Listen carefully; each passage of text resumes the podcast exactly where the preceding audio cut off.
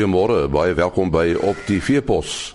Ons praat vanoggend met die minister van Landbou, uh, Senzeni Zokwana, en dan ook met Willie Enright oor die waterregte van boere. Isak Hofmeyer het die jaarvergadering van die NWKV bygewoon waar die minister van Landbou Senzeni Zokwana ook was. Hy het aan die minister gevra hoe hy voel oor wolboerdery in Suid-Afrika. It is very important. And what my background is that I grew up in a rural area and I've seen how people in those areas are being cheated by local uh, people who buy their wool for nothing. And uh, I believe that people have not yet realized the value of, of, of wool.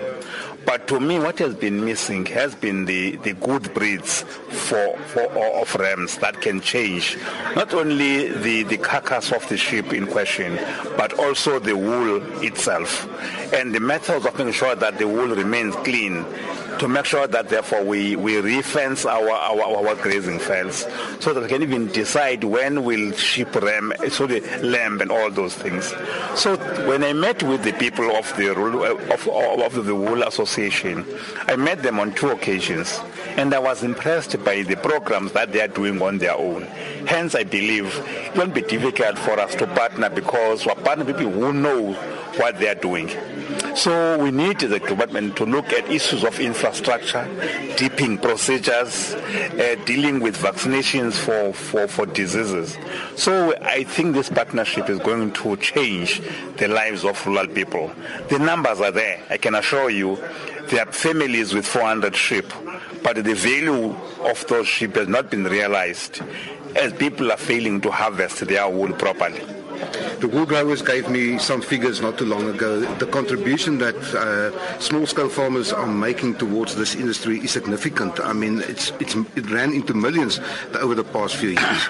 It is, as you said, that between 2013 and 2014, they received 138 million rands after selling their wool. And my view is this, that through the program that they already started, which we are going to partner with in terms of getting the best rams of Don Merino and also Merino, even encourage the local breeding of such breeds so that people can be able to access them easily.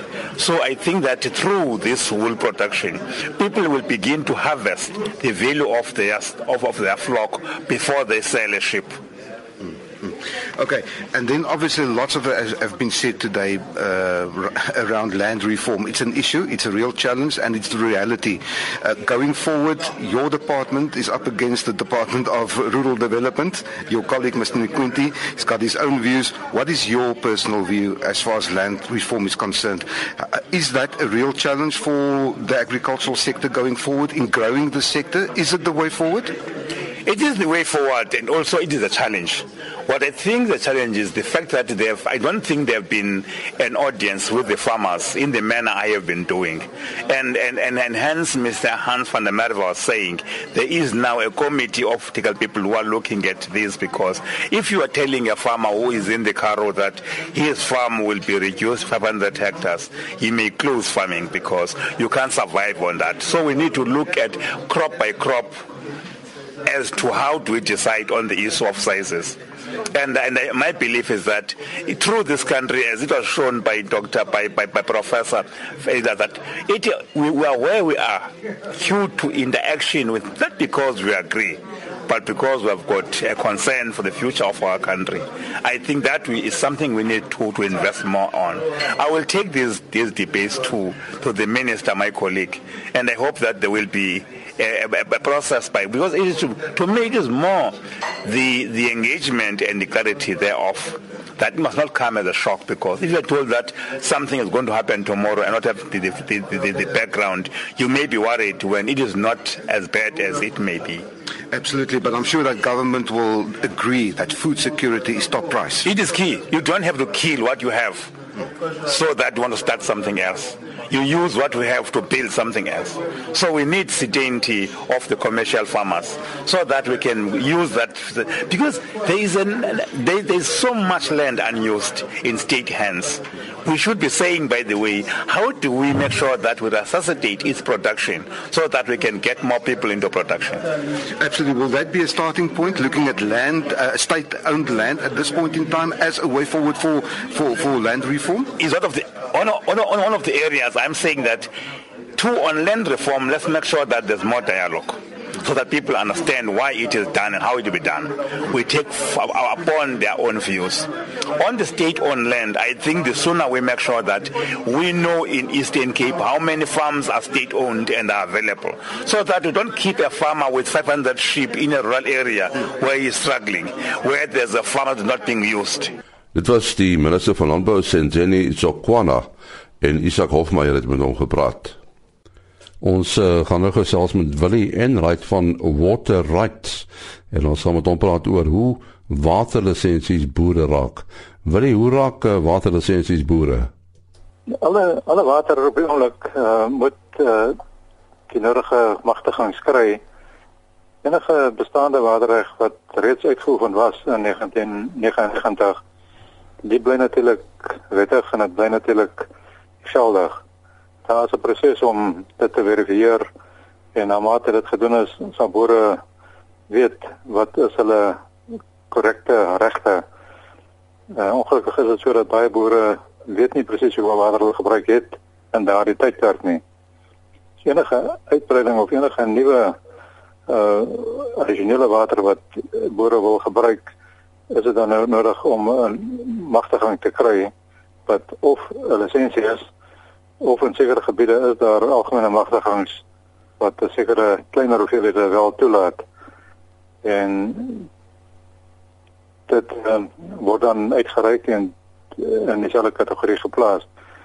Enige nuwe lisensie is natuurlik ook onderhewig aan uh ons waterhervormingsprogram wat beteken dat ongelukkig kan daai water nie ten volle aan swart uh, bemagtigde groepe toegedeel kan word nie. En boere kan dan nog steeds aansoek doen uh, deur 'n gedeelte van daardie water uh, 'n uh, bemagtigde uh, plan voor te lê en die water hertoe te deel aan sê maar sy werkers op die plaas. Op so 'n manier kan boere nog steeds waterregte bekom en uh dit bevorder beide die die landbou uitbreidings maar ook uh, eh, soort bemagtiging. Nou wil jy uh, hierdie uh, water wat ons van praat op die plaas, geld dit alle water, uh, dit is nou rivierwater, besproeiingswater en en boorgatwater.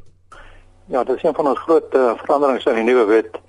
Uh en dis maar daar wil hy hy gaan om grondwater ook te beskou as deel van die waterkringloop. Ons weet almal dat die grootste deel van die water as dit reën gaan eintlik grondwater toe.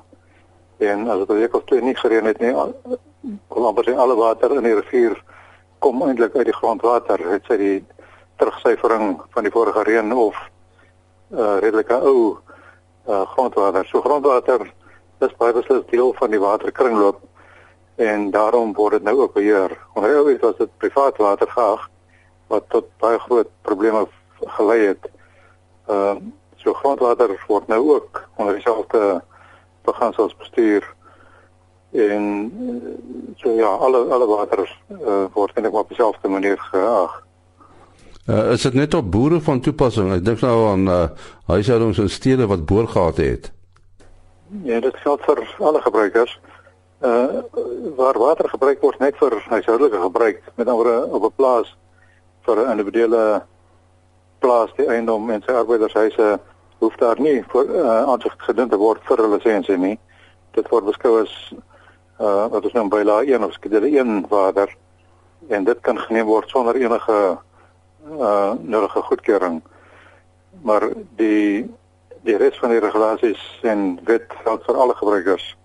Munisipaliteit uh moet vir moet hulle lisensie aansoek doen en daar geld die individuele huise huisgesinne nie daarvoor nie.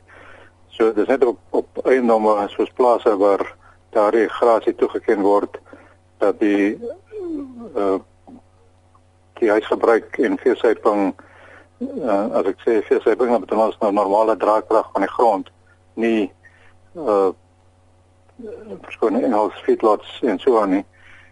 Maar ehm um, alle die die regulasies en lisensies geld vir alle gebruikers nou rede munisipaliteite en besproeiers en, en wie reik die lisensies uit die departement van water en sanitasie uh in elke streekkantoor in elke streek of provinsie is daar kantore van die departement en die lisensies word daarso ingedien en met uitgereik.